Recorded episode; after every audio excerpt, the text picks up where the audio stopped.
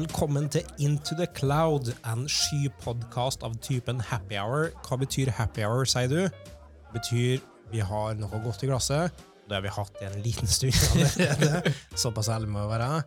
Vi har alt fra Hawaii-nipa fra Aust Austmann, vi har Øde Gøse med Krik, vi har Dals, vi er lokalisert i Trondheims hjerte, på Thomas Angels gate, og med oss så har vi Mathias. Hallo? Bra. Mathias, hva er eh, eh, forrige skyleverandøren du brukte? Nei, jeg setter jo meg Azure, så da må det bli Microsoft. Asher. Og du er utvikler. Eh, Jobba i fire år. Begynner på fem, Begynner på fem. nå til sommeren. Og jobba mye med sky. Så har jeg jo vært tidligere eh, Olav er også med oss, eh, for dem som er fast lytter og har hørt til nå, da, av 100 av episoden vår. Så var du med i forrige. Hva er den forrige hey, hey. skyleverandør? Min forrige den eh, brukte jeg senest i dag. Det var Microsoft Asher. Azure. Asher Boys på, på hjørnet, som sitter på langsida. og eh, Mikkel, du er dansk. Ja. Eller ja. Jeg vil Bare si sånn at de er forberedt, de som hører. Mm. I tilfelle de hører Det var jo utrolig rar dialekt. Ekstrem sørlending. Sørlending. ja, sant? Uh, forrige uh, sky? For, forrige syg, faktisk. Jeg, jeg tar faktisk min forrige sky, som var Azure, men min nuværende sky jeg jobber med nå, det er Heroku, som på en måte er overbygd på AVS. Ja. Mm. Du bruker Heroku aktivt av det sjøl, du? Veldig enkelt og greit. Mikael? Mm. er det uh, min forrige, eller den som jeg jobber aktivt med nå, GSB, Uh, fornøyd med det. GCP for life. Ja, GCB for life, kan du mm. godt si. Yes. Um, men det som er det nye, er on-prem-løsninga. Ja, det er, si. ja. det er det. Uh, det kan vi snakke om en annen gang. I dagens episode så skal vi snakke om platform engineering. Før vi kommer så langt, så skal vi ta litt av på det formelle i denne episoden. her. Det, hvis du har hørt forrige, så vet du at vi har et par regler i denne podkasten. Det er happy hour. Du skal være happy, men også litt uenig.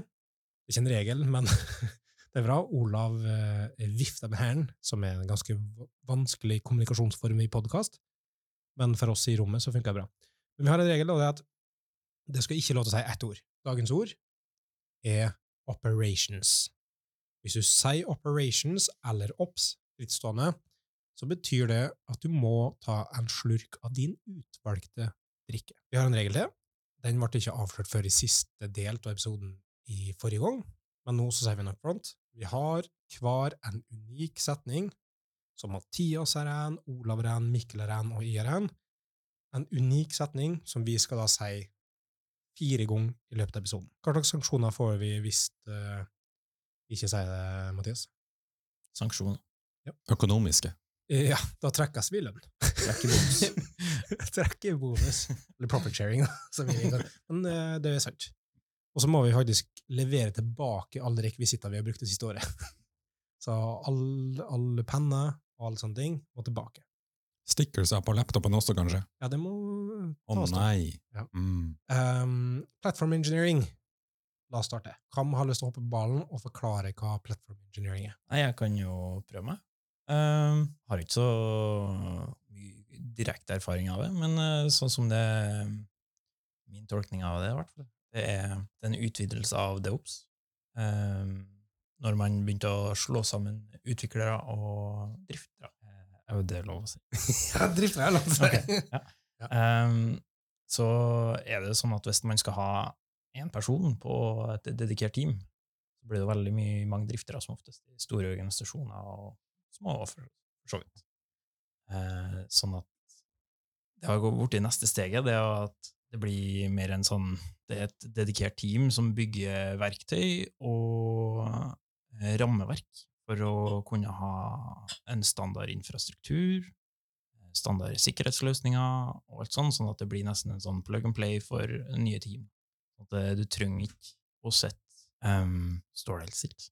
Men for, for det er interessant er at, at um, um, jeg føler DevOps Handbook i den um, 2000, eller 2021-utgava har en uh, case study som beskriver det på en måte greit, Mm. rundt at um, Jeg husker ikke nøyaktig hva- et eller annet sånn britisk helsemyndighetsselskap eller noe, som i, i, når pandemien kom, så skulle de komme fort opp til å, å levere verdi, eh, og som skulle skalere til å ta seg bruk av helsemyndigheter i landet for et eller annet eh, booking av undersøkelser, eller hva enn det er for noe. Det er ikke, det er ikke så viktig.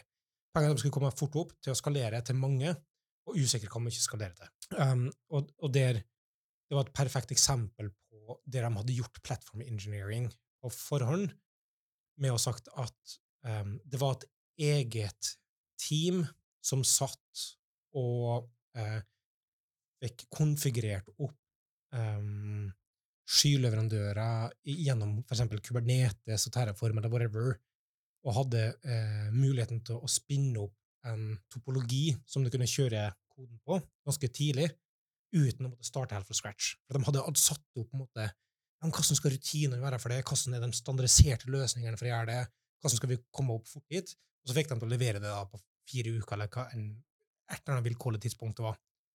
Det føler jeg er sånn, et godt eksempel på platform engineering, ja.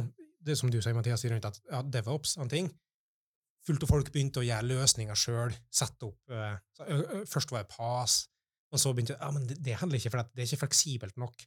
Sant? Og så begynte jeg på IAS, og så ja, men sånn, sånn, det ble mye custom, og så får du mye verktøy oppå der. Og alle de verktøyene krever kjempemye kompetanse, krever kjempemye tid, og um, særlig si, AVS føler jeg er et godt eksempel på det, for det, det krever så mye ehm, liksom nettverksinnstillinger, for eksempel, og sånne ting. Det krever mye sånn kunnskap om kassen, natting og, og, og, og Mm. uh, firewalls og sånne ting skal være. Og så ser de at ja, men det duger ikke lenger at hvert team har ansvaret for fra scratch alt av infrastrukturen for å sette opp det i clouden, for det er så granulært, det er så detaljorientert. Så derfor må vi samle litt av den kunnskapen og gjennomføringsevnen og standardisere på tvers av flere forskjellige løsninger vi har, og så si at ja, men her kan vi levere en pakke til det, og her kan vi levere en pakke til det. Så et eget team og egen disiplin i å skape den eh, bootstrappinga av infrastruktur som er standardisert for din organisasjon. Da. Mm. Og så er det også sånn at øh, det er jo litt sånn det man kan kalle overhead, eller mental øh, belastning på folk eller utviklere som skal sitte og lage, og kanskje for, skal forstå ganske vanskelige eh, domenetekniske ting. Altså forretningsutviklere, for eksempel, som man sier de skal løse øh, bra ting i det domenet de jobber i, eller for brukerne. Det er ikke nødvendigvis sikkert at øh, oppsett av infrastruktur og Kubernetes og Tror du skal ta en liten slurk, eller? Det var ikke lov til å si obs. Åh. Oi, Det var ikke det. Åh, det er altid meg. Det er altid meg første gangen. Skål. det som er ekstra bra, at jeg fikk bryte opp den Ja, gode fikk, flyten det var. Du ødelagde fullstendig flytten. Nei, nei, men uh, det er jo litt sånn uh, Litt som med, med vanlig fuldstack-udvikling. Det er jo veldig bra, hvis man har noen der kan jobbe litt i hele stacken, men så er det ikke nødvendigvis af dem, som er superbra på frontend og helt oppdatert på det, som er de beste til å sette og optimalisere spørringer eller indekseringer i en Postgres-database for eksempel. Det er ikke nødvendigvis sikkert, at man spænder hele, kan man sige, øh, teknologistakken, uanset om man så jobber lidt fullstack. Um, og det samme tror jeg gælder lidt med forretningsudvikling eller frontend, og man kan ikke forvente, at alle kan sitte og spænde op og gøre masse bra ting i Terraform eller andre værktøjer for automatisering af infrastruktur, og kende til alle de intrikate detaljer på den syg, man jobber på. Ja, for, for det vil jeg si at, at um, DevOps og i, i, i, gå tilbake til den de- spede begynnelsen, så starter jeg kanskje med ganske høy abstraksjonsnivå i, i, i PAS, som gjør at det var enkelt å starte i gang, og alle på teamet kunne gjøre det, og få ut ting kjapt, og det skalerte automatisk og sånne ting. Og så får du mer og mer behov, og du utvider mer og mer hva du kan gjøre, og plutselig nå, det er ikke enkelt å jobbe med sky. Det er så mye forskjellige ting. Mm. Og plutselig da så er vi inne på det som du snakka om, som er at um, men alle kan ikke være spesialist i det. I Terraform, for eksempel, det er- et helt eget fagfelt, nesten, for det er så komplisert på mange måter. Og da kan du ikke forvente at alle har den kunnskapen som skal til for å drive det på en forutsigbar, god, vedlikeholdbar måte. Og kanskje må du da samle den og lage et kompetanseteam til det som jobber med det, og spisse seg på god på det. Har forståelse for andre ting, selvfølgelig, men eh, spesialkompetanse på det området. Mm, ja, det vil jeg si. Det er, det er litt liksom i tradisjonell utvikling, kanskje før man begynte å bruke, øh, bruge sky i stor øh, skala, så er det også andre typer oppgaver på litt større løsninger, som krever noen som fokuserer på det, tror jeg. For eksempel ting rundt oppsetning av øh, det kan være byggesystemer, øh, det kan være altså CICD-pipelines osv., det kan være logging, overvåging, øh, monitorering, varsling, ytelsesoptimalisering av diverse ting. Det er ikke sikkert, at alle liksom er, har ekspertise eller lyst til å jobbe med det. Altså, de har lyst til å jobbe med andre ting, som er litt mer kundefokuserte. Og så noen som specialiserer seg litt i et team på å jobbe med de, kan man si, ja, infrastrukturoppgaver. Men er, er, la meg stille et spørsmål, da. Er platform engineering og platform teams er det per definisjon domenefjernt? Uh, Ikke ma- sikkert et relevant spørsmål engang. nei, men jeg tror, det er egentlig et godt spørsmål, men jeg tror, at i utgangspunktet så vil jeg påstå, at de fleste applikasjoner som syrer i Norge, uh, der er, de, de, mange av dem kan syres på samme måten. Så på en måte, Ja. er, er det, altså på en måte er det domeneagnostisk. at det er å kjøre syre op en applikasjon som skal kunne øh, skaleres horisontalt, og som skal ligge bak en loadbalancer som skal ha sånn og sånn og sådan. Det er noget, som stort set 90% af alle løsninger syre, kan syre på samme måten. Så på en måte er det øh, afkobler fra det domæne eller det forretningsområde, du jobber med, vil jeg sige. Ja, men det, altså, det, det handler da kanskje om å si at ja, men vi standardiserer på å bruke jeg vet ikke, altså durable functions på den og den måten, eller Mm. eh, vi kobler oss sammen med å bruke Terraform og, eh, eh, og, og eh, Kubernetes. Nei, vi bruker Helm, og vi bruker Helm på den og den måten. Altså, det er ikke også en, en, en innsnevring av mulighetsrommet som det har? Ja, det Ja. ja. Jeg merka jeg, jeg fikk en litt sånn eh, nesten litt sånn allergireaksjon. For jeg fikk litt sånn hm, Skal jeg bli sittet i sånn, eh, sånn eh, A4-format, liksom? Skal, skal eh, ikke appen som eh, vi og teamet har laga, få kunne leve sånn som vi har tenkt at den eh, burde leve? At, annet, at vi skal bare shippe den over muren til et annet team som bestemte at alle apps i denne organisasjonen skal liksom skal fungere på denne måten og skal skalere slik. Det som det, som, du snakker om, det er egentlig bare å være sånn fabrikksarbeider som står ved samlebånd og nærmest klikker på noen knapper, og så vet du egentlig ikke helt, hva du lager. Af type, du lager Ja. en liten komponent, og så blir det shipper videre, og så er det noen som tar det videre, og så blir det et ferdig produkt en eller annen dag. Ja, Så du ønsker litt mer på en måte påvirkning på hele prosessen, kanskje? ja. Jo, men, men det er et kjemperelevant spørsmål, for at, altså, for at det er en slags form for, med platform engineering som konsept, så er det en slags form for umyndiggjøring av ja. individet. Men la meg stille med et, ganske Ikke Men ikke nødvendigvis, vil jeg si, for det avhenger litt av abstraksjonsnivået, For eksempel, du kan sagtens have autonomi og valg, valgfrihed inden for nogle grænser. Lad os sige, du vælger at standardisere på øh, at søge ting i Docker, øh, men at du selv får lov at bestemme, hvilket base mens du øh, bygger, du får selv lov at bestemme, hvilken stack du koder i. Øhm, men så længe du har nogle visse på en måde grænsesnit, som er kendt, for eksempel, hvordan søger applikationen, hvordan starter den op og lytter på en port, for eksempel lidt som Heroku, de gør med deres buildpacks, eller andre uh, buildpacks.io for eksempel, men også type, du skal eksponere dine metrikker for appen her, via for eksempel, uh, hvad hedder det, Open Telemetry, eller uh, hvad er det, det andre heter. um, husker ikke, vi har brugt det tidligere, hvor du bare på en måde eksponerer endepunkter, og så bliver det scraper, og lagt ind i uh, Prometheus, var det jeg Ja. tænkte på. Ja.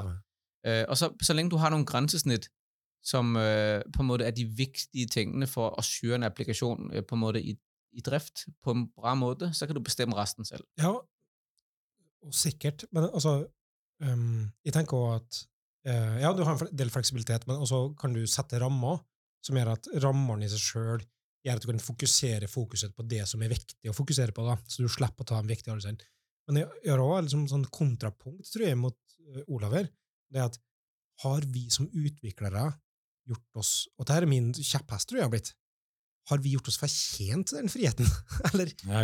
Ja, eller, eller ja. misbruker vi friheten til å ta fæle valg? Mm. Kanskje er det greit med litt rammer for oss, for at vi blir så opphengt i optimalisering av fæle ting at vi glemmer å holde eh, øynene på det rette målet. da. Jeg skulle gjerne hatt litt eh, hjelp når liksom eh, appen nærmer seg produksjon. Og litt som en litt sånn um, guidelines, best practices, innenfor den organisasjonen. Det, det er sånn, Dette er historisk godt, det er sånn vi har gjort det, og vi bare gjør det på den måten her. Og det, er, det kan godt være at det er kjempebra for liksom, de aller, aller fleste situasjoner. Jeg er tilbake til den casen rundt uh, uh, DevOps Handbook-casen som ble vist. da. Uh, så var det liksom en del av suksesskriteriene deres at de har slapp å tale valg på nytt. Og så skjønner jeg at det er en case, ja, en bok som skal framheve positive sider av det, da. Mm. Men, men de fikk noen fordel av det. Men tenk deg hvor fint, da. Altså, som utvikler. En knapp. Jeg vil ha en eh, nettside. Så trykker du på det, og så får du pipeline. Du får alt av infrastruktur som du liksom koder. Sånn Du får ferdigkonfigurering, du får nettverk, du får liksom autentisering. Men det hadde du i 2009, når Heroku kom ut med uh, The 12 Factor App.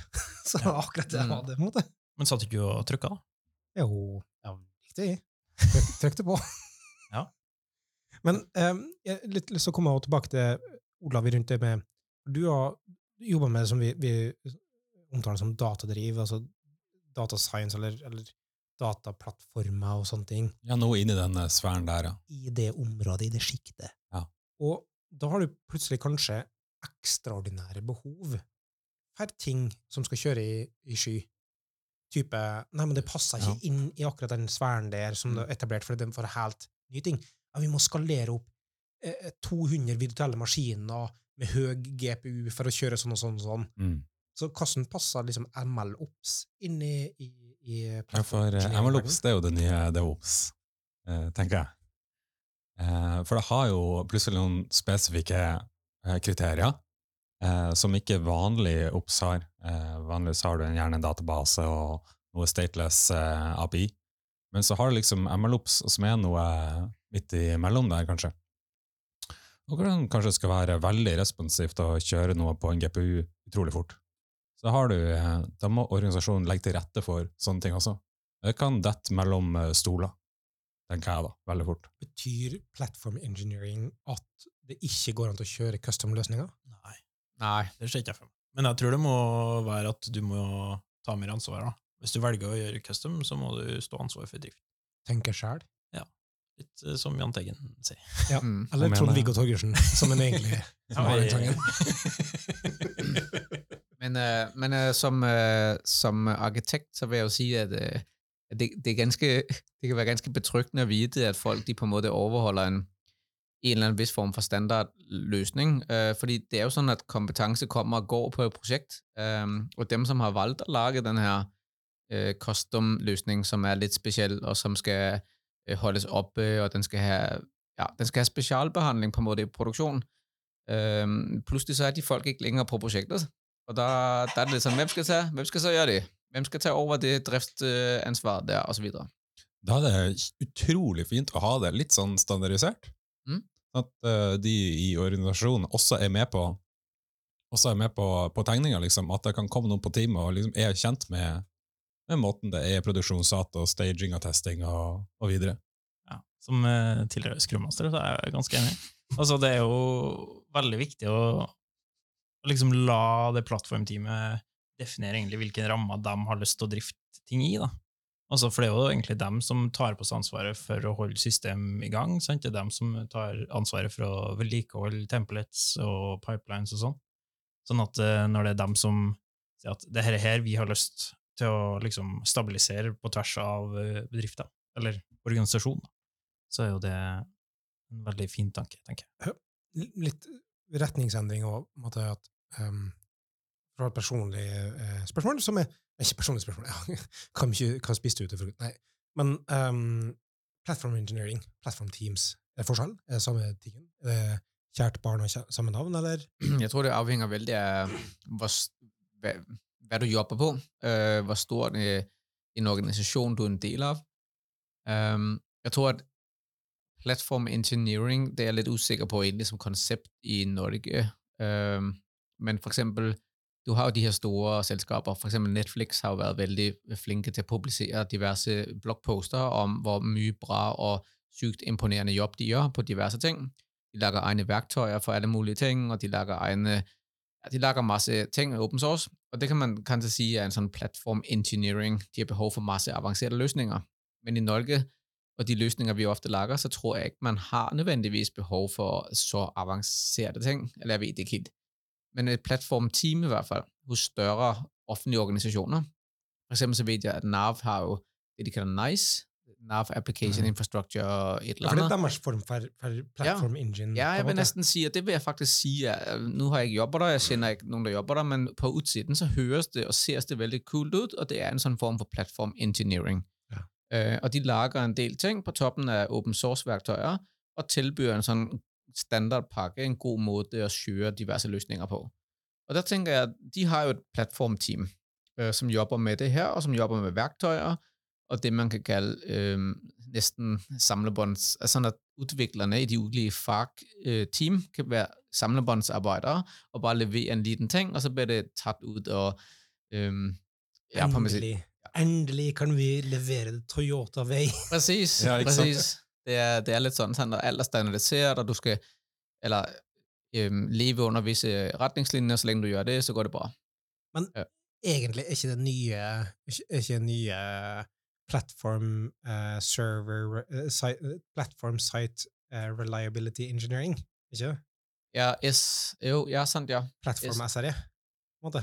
SRE, Site Reliability Ja, Engineering. hva er egentlig Ja. forskjellen på SRE og platform engineering i sin helhet? på en måte? Altså, er det overlapp, er det ikke overlapp? Er det, Ej, jeg var litt usikker egentlig. Sånn, uh, tradisjonelt sett så tror jeg, at altså, SRE er et Google uh, coined term, Ja. tror jeg, som er noget, det de jobber med ganske tidligt, for sikre, at løsninger rett og slett er oppe og går veldig bra. Eller Men det bra er sådan. egne folk for det, Grunnen til at jeg har lyst til å gjøre den sammenligninga eh, for at den ikke, altså Hvis du tegner et Venn-diagram, så er de ikke, det er ikke en sirkel som ligger oppå hverandre. på en måte. Nei. Men, men det, det har noe sånn, det er egne folk som jobber dedikert med kasten tracing og monitorering og oppetid og sånn er. Mm. Kanskje ikke noe som, som på inkuberer eh, hurtighet med å standardisere plattformting, men, men i hvert fall noen som har særskilt fokus på det med driftsansvar. Høres ikke bare ut som driftere med fancy ord. Eh, ja. Men, men jo, kanskje, men med et utviklingsperspektiv, da? kanskje? jo, jeg vil si det krever jo en viss innsikt. øhm, i de applikationer, som bliver laget. For eksempel, lad os sige, du har en applikation, som tilgår en database, så har man jo traditionelt set også haft en rolle på projekter, som hedder en DBA, Mm. øh, en database administrator, som både sætter op databaser osv., men som kanskje også er dem, som er eksperter i, hvordan øh, tune spørginger, hvordan øh, hjælpe med det, hvordan sikre ting er indekseret osv. Sådan. Øhm, Er du, det- Kjapt spørsmål. Ja. Er du sertifisert uh, MongoDBA? Nej, det er jeg faktisk ikke. Men jeg har jobbet Jable mye med MongoDB faktisk. Øh, men det øh, tidligere. Og det, det er jo litt sådan øh, interessant, fordi man trenger faktisk folk, som fordyber seg, og som kan ganske mye om, hvordan MongoDB eller Elasticsearch for så vidt har jobba mye med.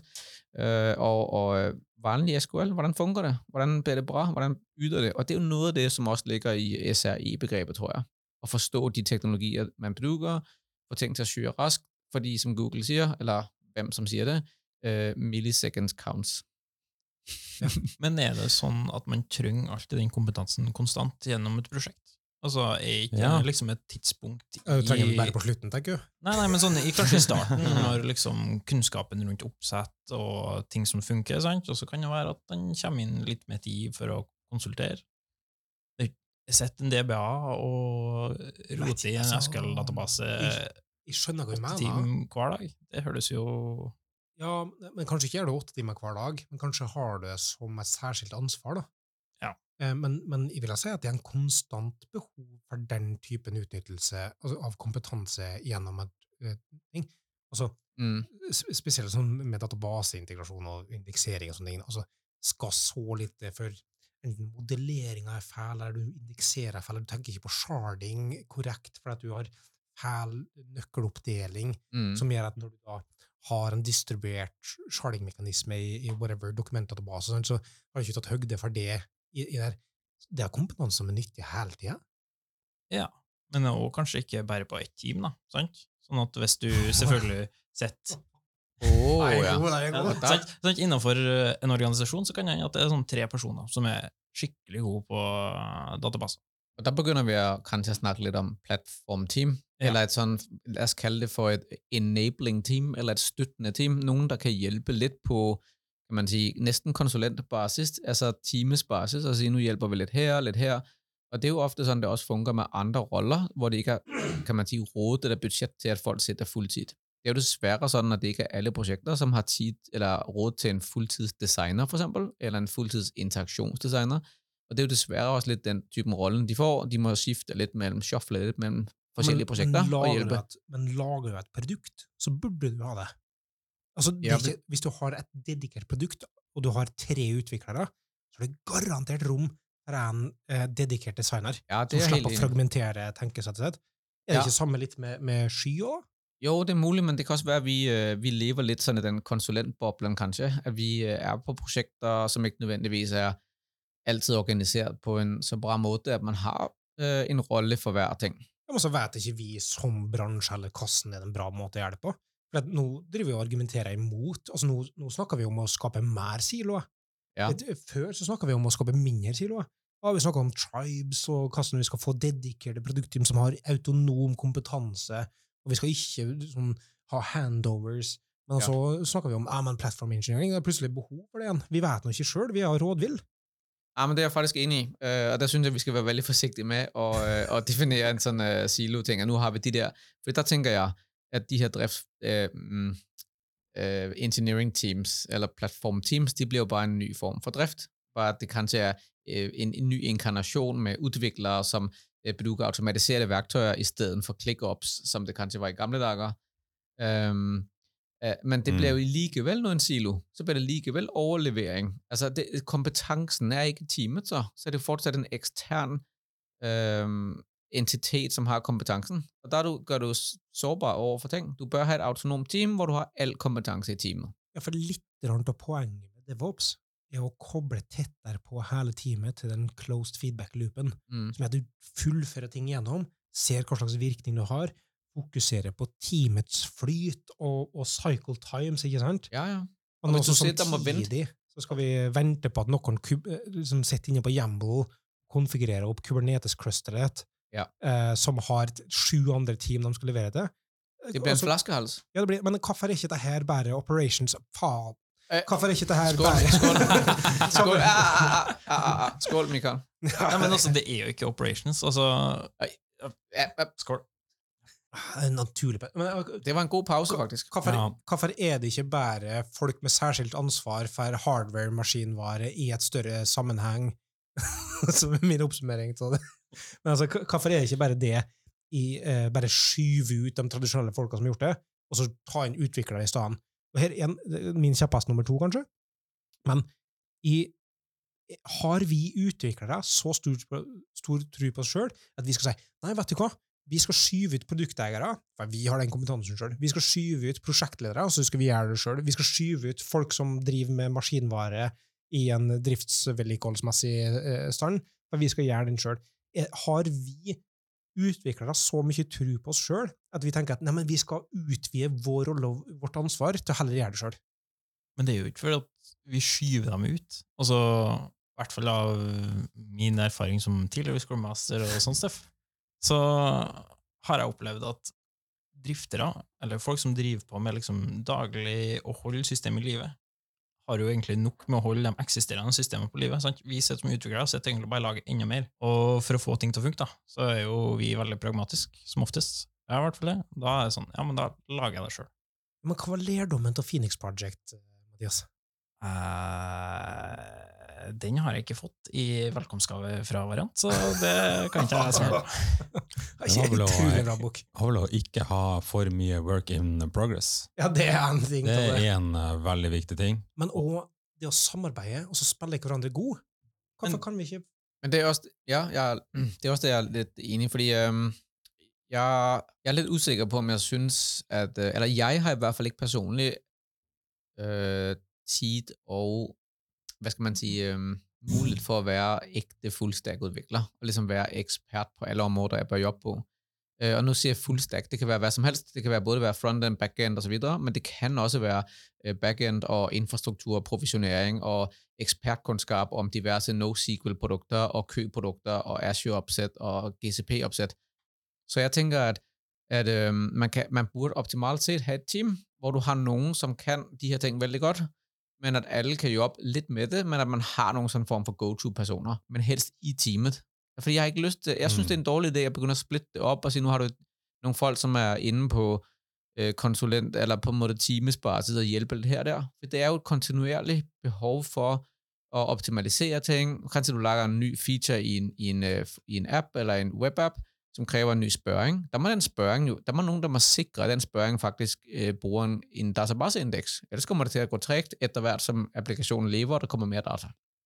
Og det samme med alle mulige andre ting. Sikkerhet, for eksempel. Så mm. nå har vi jo DevOps, så har vi DevSecOps, og så har vi Triceratops. yay. Præcis, sådan, så Så har er jo også som er den nye DevOps. MLOps, ja. Så, så alt det her er jo noe der hele tiden må tas Nogen må på en måte formynde de her tingene hele tiden, kontinuerligt. Um, og sikkerhed er jo et veldig godt eksempel. Uh, og personvern og data, ja. hvilke data lagrer vi. Hva, hva, hva går gjennom loggeren? Ja, Altså, præcis. Det er så komplisert. Det er så utrolig enkelt for en utvikler å komme til å tenke uh, ja, jeg bare logger, uh, det er veldig nyttig informasjon å vite hvem bedugeren er, og bla bla bla. Og så bare logger ting i loggen, der ikke skulle være logger. Vi må Jeg hørtes utrolig kritisk til plattformingeniering, men, men jeg er ambivalent. Vi har sterke meninger i begge retninger. For akkurat det du er inne på, da også særlig når vi som utviklere blir så sjukt gira på microservices, så dobles kompleksiteten i alt det du har nevnt nå, Mm. i alle eh, eh, retninger. Sant? Du, um, tracing og logging og monitorering, alt det der, blir tifolds sk- vanskeligere å, føle følge en melding gjennom sju microservices? Ja. For å spore hvor det feilen faktisk skjer. Det er nesten en heltidsjobb. Så hvordan skal vi forvente at hvert eneste team i en, en kompleks organisasjon skal kunne ha den kompetansen? Ja, og ikke minst alle de systemer, man trenger i plass for å håndtere det. Type øh, Open Telemetry, Ja, ja. eller Zipkin, eller Azure øh, Application Insights, eller whatever, distribuert Tracing osv. Det er jo også løsninger, som må driftes og vedlikeholdes og oppdateres, og der kommer masse data inn som skal øhm, på en måte enten prunes, eller ha en form for Men det høres Eh, jo ut som det har vært fint med et sånt team da, som har jobba med å samle alt av infrastruktur som er som kjernefunksjon for ting. sant? Altså Ja. bare liksom Ja, nei, eh, nå skal dere logge. Ja, logg til den plassen her, og det skal dere bygge. Ja. Ja. gjøre det på denne måten her, så kan vi se om bygger suksess, eller om vi følger rette practices. sant? Ja, for det nye er eh, specialized teams, DevOps teams. Special team DevOps. Yes. Ja. Hvordan funker det, Mikael? Eh, De har en egen team i organisasjonen som løser akkurat sånne ting. da. Ja, For det høres jo veldig deilig ut med bare noen sånne retningslinjer som du får fra et team, så du kan følge. Og så når du eh, etter hvert som eh, applikasjonen begynner å ta form, så er det litt sånn, du kan høre med dem, ja, var dette en god idé, var dette ikke en god idé, ja, ta form det litt sånn sånn her, og, og sånn. Ja, så alle burde bruke Heroku. Poenget mitt hver gang. Jeg tror det var poenget mitt i forrige Altså, de har jo gjort, kan man si, Heroku har jo laget en platform. De har et platformteam, som har laget uh, platform engineering, sånn at alle vi andre utviklere trenger, ikke trenger å sitte og, og, og sette opp diverse monitoreringsprodukter videre. Du ligger bare til en add-on på Heroku, og så får du en syst, altså alle dine apper, de, de bare logger til system out, så bliver det drainer via en syslog drain øh, til et eller andet add-on, og så får du det op i en eller anden øh, type Logly eller CoreLogix eller sådan noget, hvor har du bare har du alle dine logger, alle dine dinos distribueret i en, et sted. Ja, for, det er plattform. Hvorfor, er- ikke platform engineering bare eh, Heroku, men dyrere? altså, altså, Men- det er for, ja, så- jeg tuller, da. men det er jo det, men- det men Okay, det jeg tror, det er, at der er veldig mange... Okay, så hvis man kan bruge en form for pass, og for eksempel Heroku, eller det kan være GCP eller Azure for så vidt også, øh, med application insights og andre ting, så gjør det. Men, men øh, problemet er også nu, så ser vi jo, at der er mange kunder, specielt offentlige, som ikke tør eller ikke kan gå i skyen. Øhm, Mm. På grund af diverse øh, udfordringer rundt skræmstommerne osv., som gjør at folk faktisk er begynne å bygge... For Max, Max Frames han slår ned alt som kommer. ja, han gjør det. det En ny adekvatsavtale eller noe. Så Ja, ja, Hun kommer Max eh, inn og sier Max, nei. Han er egentlig litt sånn som uh, mange driftere, jeg har opplevd i, i min karriere, det er også, 'nei'. Ja, Kan jeg men- få, øh, jeg har lyst på MongoDB. Nei, kan du ikke få. Kan jeg Men- få, vi, vi trenger en søkeindeks. vi skal ha Elasticsearch. Nei, kan du ikke få. Nei, men ok, vi trenger en kø, vi vil gjerne ha Kafka. Nei, kan du ikke få. Ja, men jeg mener, altså, jeg mener vi utviklere må høre mer nei. vi fortjener Ja, å jeg høre tror, mer vi er nei. for, jeg tror, eller vi er jo veldig bortskjemte. Ja. Altså, men, men der er bare noen ting, øhm, hvor øh, jeg tenker at akkurat nå så er det mange, som begynner å bygge en øh, privat sky eller en private cloud, og det er, altså som, øh, som arkitekt, så vil jeg sige, øh, at jeg, jeg liker ikke så godt tanken om det her, fordi øh, det er jo, vi skal huske på, at en av årsakene til, at offentlig sky eller ja, public cloud er blevet så populært, det er jo de muligheder, det giver.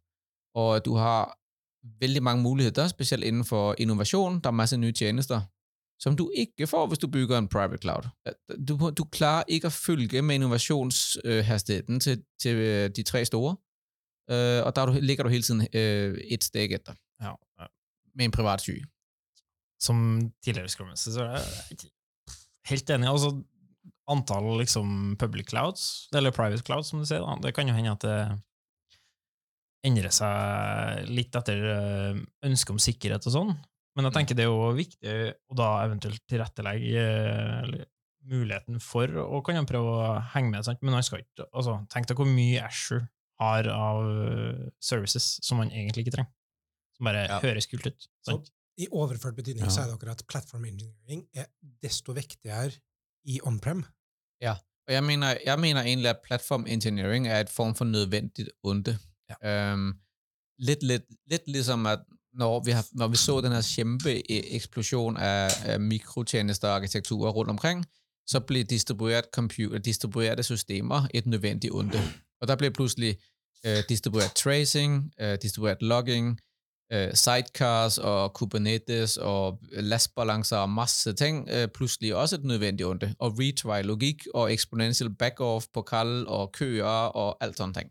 Det, det er på en måte ting, som øh, vi har måttet innføre fordi vi trengte å skalere opp utviklingen. Så, så, det er ikke, så det er ikke på en måte DevOpsens Paracet. Det er fikse tidligere skam, på en måte. Oi, oi. Ja, men altså, mye av de tingene du snakker om nå, er en konsekvens av dårlig arkitektur, er ikke det?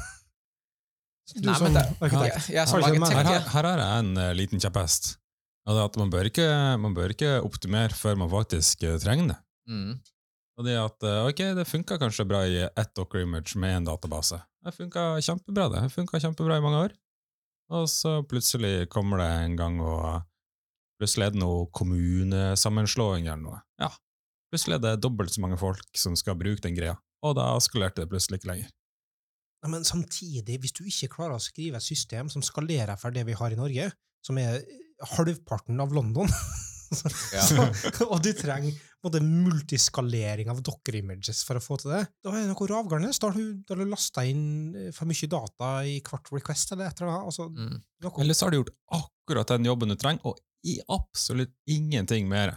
Jo, og det er helt enig. Så har, Du gjort, så har du gitt masse verdi med, med det du har gjort, og så har du gått videre til noe annet og gitt verdi der. Jo, og det er helt enig men jeg mener at grensa der går ikke på å ha altså Da trenger du ikke et ett docker-image engang.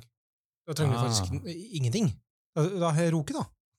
Ja, men? Heroku er jo også på en måte det bygger jo på toppen af Docker. Ja, nå, da. Men, Men, men det er jo ikke det før, da. Men uansett om, dager. Men jeg er helt enig. Altså det vi, øh, men det jeg tror ikke, det er nødvendigvis øh, skaleringer. Det er mer fleksibiliteten i måten at lage ting på, og produkter, man kan øh, bruke til ulike ting. For eksempel, hvis du har lyst til å lage ting eventorienteret eller asynkront, er det veldig kjekt at ha tilgang på eksempel en managed Kafka, eller en managed et eller annet eventhop på Azure for eksempel, eller øh, jeg har vært på et projekt, hvor vi har brugt Google PubSub ganske mye, øh, for en sånn øh, ingestion pipeline. Og det er utrolig fedt at bare ha en platform, som er driftet, øhm, hvor man ikke trænger at bekymre sig om, om underliggende ting. Du bare sender en melding et sted, så ved du, den bliver persisteret, indtil nogen konsumerer den. Ja, og, og i, i verden av DDD så er det sånn, nyttig å kunne ha arkitektur på den måten der, da. Ja. Og spør, spørsmålet Det blir fort Men det er ikke litt sånn Beklager for å avbryte, men det er ikke litt sånn at uh, i utviklernes natur så personlig, så når jeg har lyst til å lage noe, så har jeg ikke lyst til å lage noe som er dårligere eller tilsvarende det som eksisterer fra før. Sånn at man alltid prøver å forbedre ting, sant? og da kommer inn i med at man må ende opp med å lage mye mer komplekse system. Sant? Eh, kanskje høres litt sånn eh, Jeg vet ikke hvilken generasjon jeg er i, men uh, naiv, da, eller fra en yngre generasjon. med At, en eh, ting, boomer. Ja. Bluma. Oh, oi. ting var litt enklere før. sant? Det var internett åpent. da. Ja, enig. Sant? Sånn at eh, verden har blitt mer kompleks. Sant? At vi trenger mye mer domenekunnskap om mer ting Mm. enn ja. I min Det- tid. Ja. Nei da, men um, jeg tror også, at det er et um, symptom på not invented her, som du nesten litt sier. Sant? Men jeg, jeg, har, jeg er selv en sånn type utvikler som synes, det kan være artig å lage øhm, infrastrukturting ting om middleware, Liksom tanken på, at jeg skal lage et eller annet kult, som andre utviklere skal bruke. Jeg tror, det er ganske mange utviklere som synes, det er spændende å lage frameworks, eller sette opp liksom, generelle ting, lage abstraksjoner, over-engineere ting egentlig. Og jeg tror også litt at det er, øh, sånn platform-teams øh, lider litt av det, øh, vil jeg sige, symptom. Ja, at man er liker er bare det, det er bare developer experience, det er- er bare DX-fokus.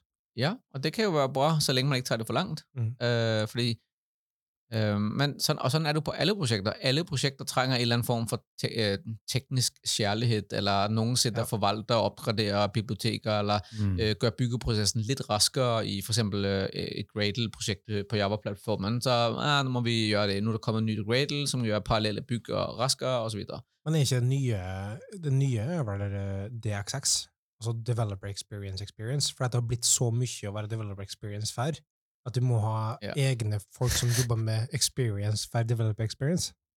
Ja, det kan være. Det har jeg ikke hørt om faktisk, men øh, jeg har hørt ganske mye øh, batching af diverse, specielt hvis du jobber inden for Kubernetes, øh, at der bliver jævlig mye, øh, specielt hvis du også bruker Helm, så Mm. begynder du at tænke, nej, men det her, det går jo ikke, vi må have nogle nye værktøjer for at lage alle de her øh, templates og så videre, fordi det er alt for tungvendt. Ja. Øh, så ja, hvad er det du, uh, Mathias, det verktøyet som vi snakka om, om ikke, for ikke så lenge siden? Customize. Customize. Ja, sant, ja. Ja. Så det er overlays i stedet for Altså, eh, ikke har forklart min begrensa forståelse, men Helm, sant, da får du eh, conditionals og litt templating inn i YAML-filene dine, Mm. mens med, med Customize, med Z, så er det overlays som over Altså det er additativ til, til YAML-filene dine, og, og, og overskriv. Så, så du har ikke den eh, syklomatiske kompleksiteten som Helm kommer med, da. Mm. Ja, du basically definerer liksom base, for eksempel, av liksom denne strukturen du vil ha for alt som skal arve det. Så kan du ha for eksempel en et overlay som kan være for her, for Ashore-spesifikke. sant? Den her skal ha den Ashore-disken her, den skal ha load balancer og sånn sånn. Så kan det være for at den skal kjøre på local. Så kan du ha at prod og dev arver fra Asher-imagene, og sånt, er det der det hostes på kass. Det er jo en forenkling og egentlig kompli komplisere det òg, da. Ja, på en Mm. måte, ja. Men er, er, apropos det, er, er platform engineering bare grukking i YAML? Nesten. Ja, da må, du- må skrive litt Go også. Altså Go, Ja. Go, Ja. ja, du kommer ikke udenom platformengineering uten å skrive Go. Eh, Um, men det nye er vel egentlig tommel. Så kan du skrive tommel uh, i platform engineering? Nei, Nei. Med Rust, uh, Rust Cargos. Ja, men det er andre enn Rust som bruker tommel, da, men ja. Jo da. Det er en ting som jeg har tenkt en del på med eh, engineering her, da, i og med at du på en måte samler, um, samler og, og, og bygger de siloene. Um, litt av fordelen igjen, som vi var inne på, med å samle dette her team, er at du får tettere forhold til applikasjonsdrifta. I stedet for at altså, Tradisjonelt sett, i oppsverdenen, i operation Oi, ja. Mm. Skål. Skål. Eh, ja, skål, da. Tradisjonelt i dem som drev med hardware, der eh, vedlikeholdsansvaret. Drift. Drift. Ja. Det var at Eller cheat å bruke drift i. Ja, Men ja, em, tradisjonelt her så var det at noen ble holdt ansvarlig for andres feil. Strengt forenkla, ikke sant? ja det... Um, og i det tilfellet her òg, så blir det litt det samme. Noen setter opp, Hva med det som har applikasjonsdriftsansvaret? Hvor er de tydelige rammene mellom hva ansvarsnivået går, når vi har um, platform teams og platform engineerings? Men der mener jeg fortsatt at det er eller Lad os sige, det du starter med å si, det er, at du ønsker egentlig at samle folk i et, øh, lad os sige, produktteam, hvor du har al kompetanse tilgjengelig. Øh, for både å utvikle, designe og drifte applikasjoner. Um, og så i stedet for, at de skal sitte og lage alt fra scratch, uh, alle de, kan man si, cross-cutting concerns, så har du en sånn enabling team, eller et platform team, som, som lager en del verktøyer og litt støtteting for det. Og der mener jeg fortsatt at de ikke skal være en form, de skal ikke være dem, der drifter det. De skal ikke sitte med driftsansvaret. De skal bare sitte, de skal bare levere en del værktøjer, og så er det fortsat produktteamet og de udviklerne der, som har ansvaret for at drifte og overvåge og sørge for, at ting er oppe. Men de får en del hjælp for det her team. Men har det ikke ofte standardværktøjer osv. Ja, helt enig. Altså, jeg, jeg, jeg, jeg kjøper det du sier, men har det ikke ofte et retta form for tracing, for eksempel? At det her er viktig at vi logger, at det her er viktig at vi tracer, mens hvis platform engineering teamet bare, vi har eh, brukt uh, GCP-logging som verktøy, Mm. uh, så da bare bruker du den outputen med Jason og whatever, og Beyond, eller hva Ja. enn det er, sant? Som, som loggingverktøy. Det høres ut som et veldig dårlig plattformteam. Kanskje at plattformteamet der burde se litt, gå i seg sjøl. revurdert. Ja, men poenget er at Hvis du bare sier generelle retningslinjer og verktøyene du bruker, og så er det fortsatt opp til oss. Men eller, uh, eller dem som, som setter konkrete loggingting, hvor går grensene til de skillene? Altså, jeg tenker veldig likt i lag med, eller i samme bane som Mikkel at når det er et produktteam, det har ikke en evigvarende eh, livstid. Altså, noen må jo ta over det når det er videreutvikling, eller hva er det? Bare, ja, videreutviklinga er ferdig, da, sant? Og da er det jo fint at det er et team som har sagt vi vil standardisere denne måten vi for eksempel gjør logging eller brannmur og sånn, at de ikke arver en halv milliard måter å gjøre ting på. Fordi du ser det jo sjøl, altså, utviklere er jo ram på å mene at de er best i verden, og at uh, er servicen her skal vi bruke nå. Ja, eller uh, jeg våkna opp med en drøm om at det her var bra å bruke. Så det er sånn derre privilegerte, bortskjemte diva. det føler jeg utviklere ofte. Men Jeg tør ikke tenke på, hvor mange løsninger, som er laget over de siste ti årene, med veldig eksotiske rammeverk og ting, som der sitter noen stakkars folk i drift nå i dag, og bare har tatt over og må forvalte og forstå etter hvert. Men er, er er, drift, er platform engineering bare en ny form for en måte å, å fristille oss det komplekse som er å jobbe med sluttbrukere, og heller fokusere på å jobbe med DX, som vi sjøl vil? Altså Er platform engineering en unnskyldning for å jobbe med DX? Nei, det er jo DX. Altså, det er jo verktøy for å standardisere ting, sant? Altså, det er jo ikke sånn at det gir oss en link. Ja, men Det er en form for distansering fra sluttbrukere nå? Altså, Ja, hvis jeg har sluppet å holde på å skrive i Azure Pipelines, så hadde jeg tatt gjerne imot det. Altså, hadde jeg fått en ferdig template, skrive inn hva eventuelt jeg skal kalle docker-imagene mine, og hvilke subpath du skal trigge på. Jeg har løsninger for det. Er Det kan hende at den starter på H. Hidoko Nei, det Skal slutte. Men vi holder Det blir en gammel spøk. er det litt som å spørre en voksen? Fordi eh, der er jeg jobba flere steder, men eh, dette begrepet om å spørre en voksen, det er liksom eh, Ja, ja, du har laga noe og sånt, ok, skal det driftes, da, en eller annen gang? Og så må du liksom spørre en voksen ja, hvordan, hvordan, skal, vi, hvordan skal vi skalere det her? Det er liksom de som, eh, som har gjort det, gjort det noen par ganger før. Vært litt i, i skyttergrava, ikke sant? Og tatt hånd om sånne apps før. Er det, er det, er det litt sånn eh, den, eh, den voksne personen som har, eh, som har sett folket komme og gå inn og ut av teamet, og har litt erfaring med, med, med skaleringa og, og driftinga? Ja, men jeg føler på en måte ikke at Altså Da snakker vi mer om distribusjon av erfaringsnivå i team, på en måte, eller? Ja, ja. Og da det blir i hvert fall ikke å samle et team med de mest erfarne som kan uh, bygge det.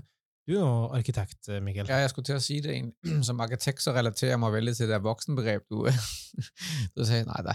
Uh, men det er jo sånn at vi, um, vi um, jeg tenker jo som um, produkteier for et eller annet produkt, eller en organisasjon der ønsker å levere en god tjeneste til sine kunder, de er jo i udgangspunktet ikke interesseret i, at folk og udvik altså udviklerne skal sitte og bruke masse tid på å knote rundt med Helm-templates og uh, Det er jeg helt enig i. Altså det mener jeg? Det, er det, det, så, øhm, det, det jeg tenker vi, vi ønsker å oppnå med et form for platform-team, eller developer experience, eller whatever, det er jo egentlig bare, at vi klarer å levere gode løsninger til sluttbrukere og kunder på en rask og effektiv måte. Det skal være en amplifier, Ja, ikke, ja, ja ikke en distraksjon. Nej, sant. Og der, og der er det litt sånn, der må vi, litt som du også noen ganger insinuerer, at vi utvikler er kanskje litt for øhm, øh, egoistiske og kåte, og vi ønsker å teste ut nye rammeverk og måter å gjøre ting på. Men det er ikke nødvendigvis for det bedste. Altså for kunden og for brukerne. eller det, det er bedre å ha en form for samlebåndsarbejde. Kanskje, kanskje det blir litt mer kjedelig. øh, men så de utviklere synes, det er kjedelig å bare lage det. De kan jo bli på et platformteam i stedet for øh, og lage ting, tenker jeg.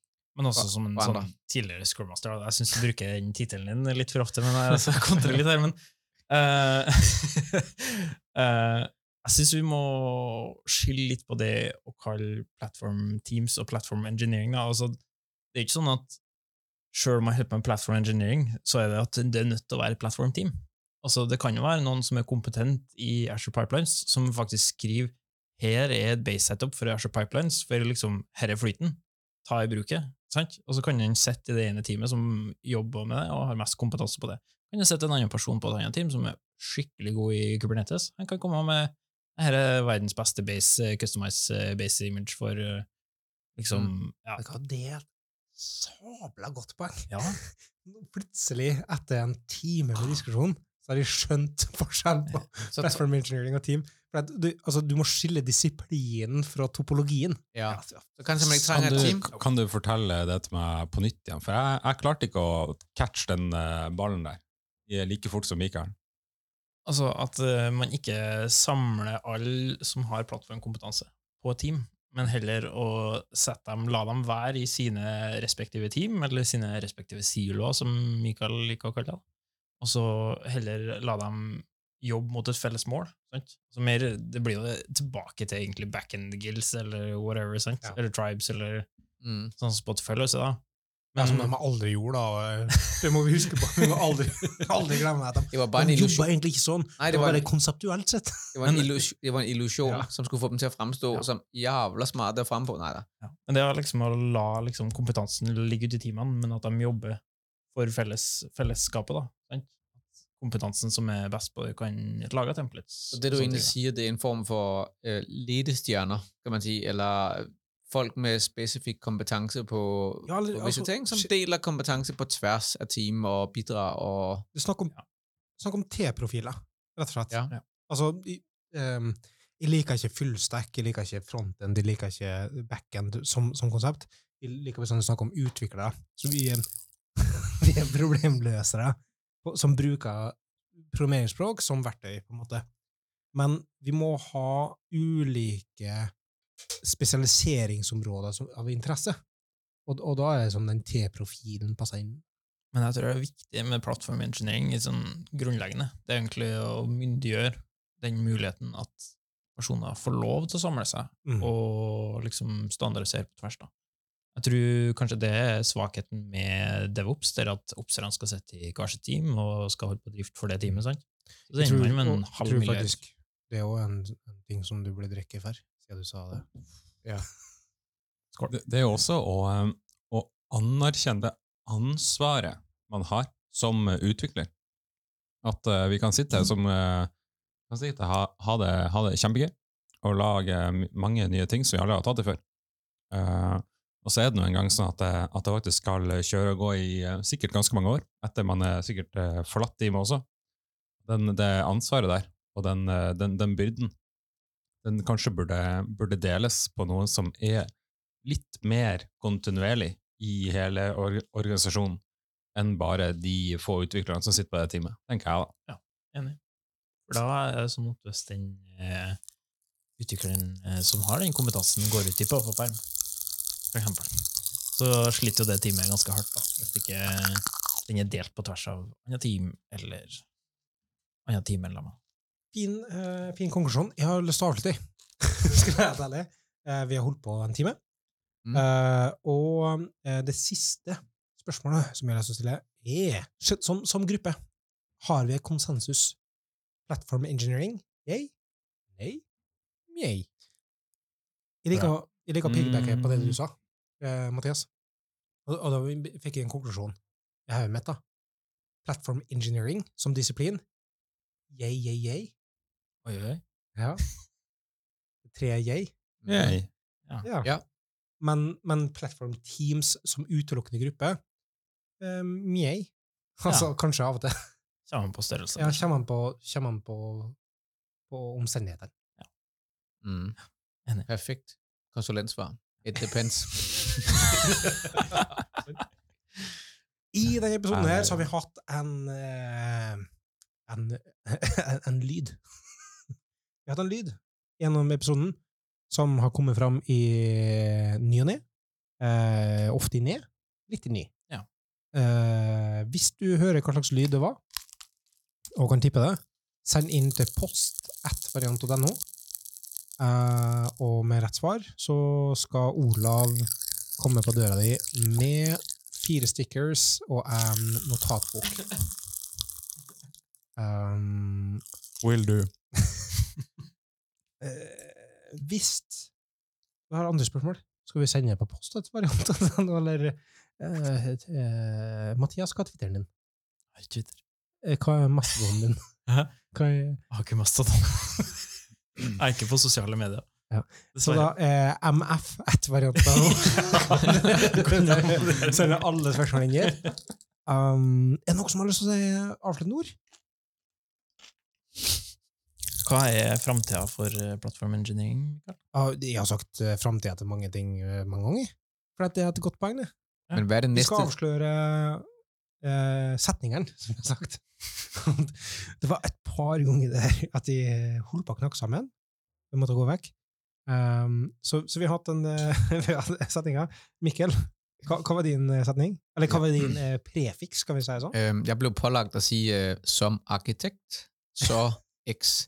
Uh, og det er egentlig et uttrykk som er ganske ube ubehagelig å si, fordi ja, Og, og, og, og, og Mathias, hver gang Mikkel sa det, så skulle du si Da skal jeg svare med, gi et motsvar eller medsvar da, med som tidligere Scrum Master.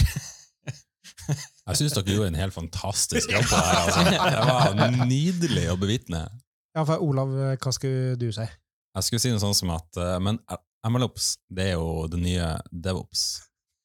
Og jeg skulle uh, si, men det nye er jo Og så skal jeg komme på med noe nytt. Jeg vet ikke om jeg klarte det fire ganger. Ja, du fikk jo Mikkel, tror jeg, mm. ja jeg er usikker. Og DDX. Ja, det det, er- ja, ja, det det er stemmer. Ja. Men den, synes, den står i Ja, den, den begynte jeg å tvile på i starten. av, Så bare, Hæ, hva er det? Det er noe nytt. Det har jeg ikke hørt på. Og så skal det jo sies at vi skulle prøve å si det fire ganger i løpet av samtalen. Ja.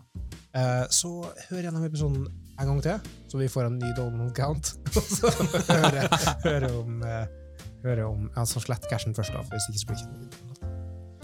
Vi må aldri glemme det, folkens, at uh, podkast er bare MP3-er i en RSS-fil. så takk for nå. Ja, men subscribe. Like. Like, subscribe and comment down below. Er det det man sier? Ha det.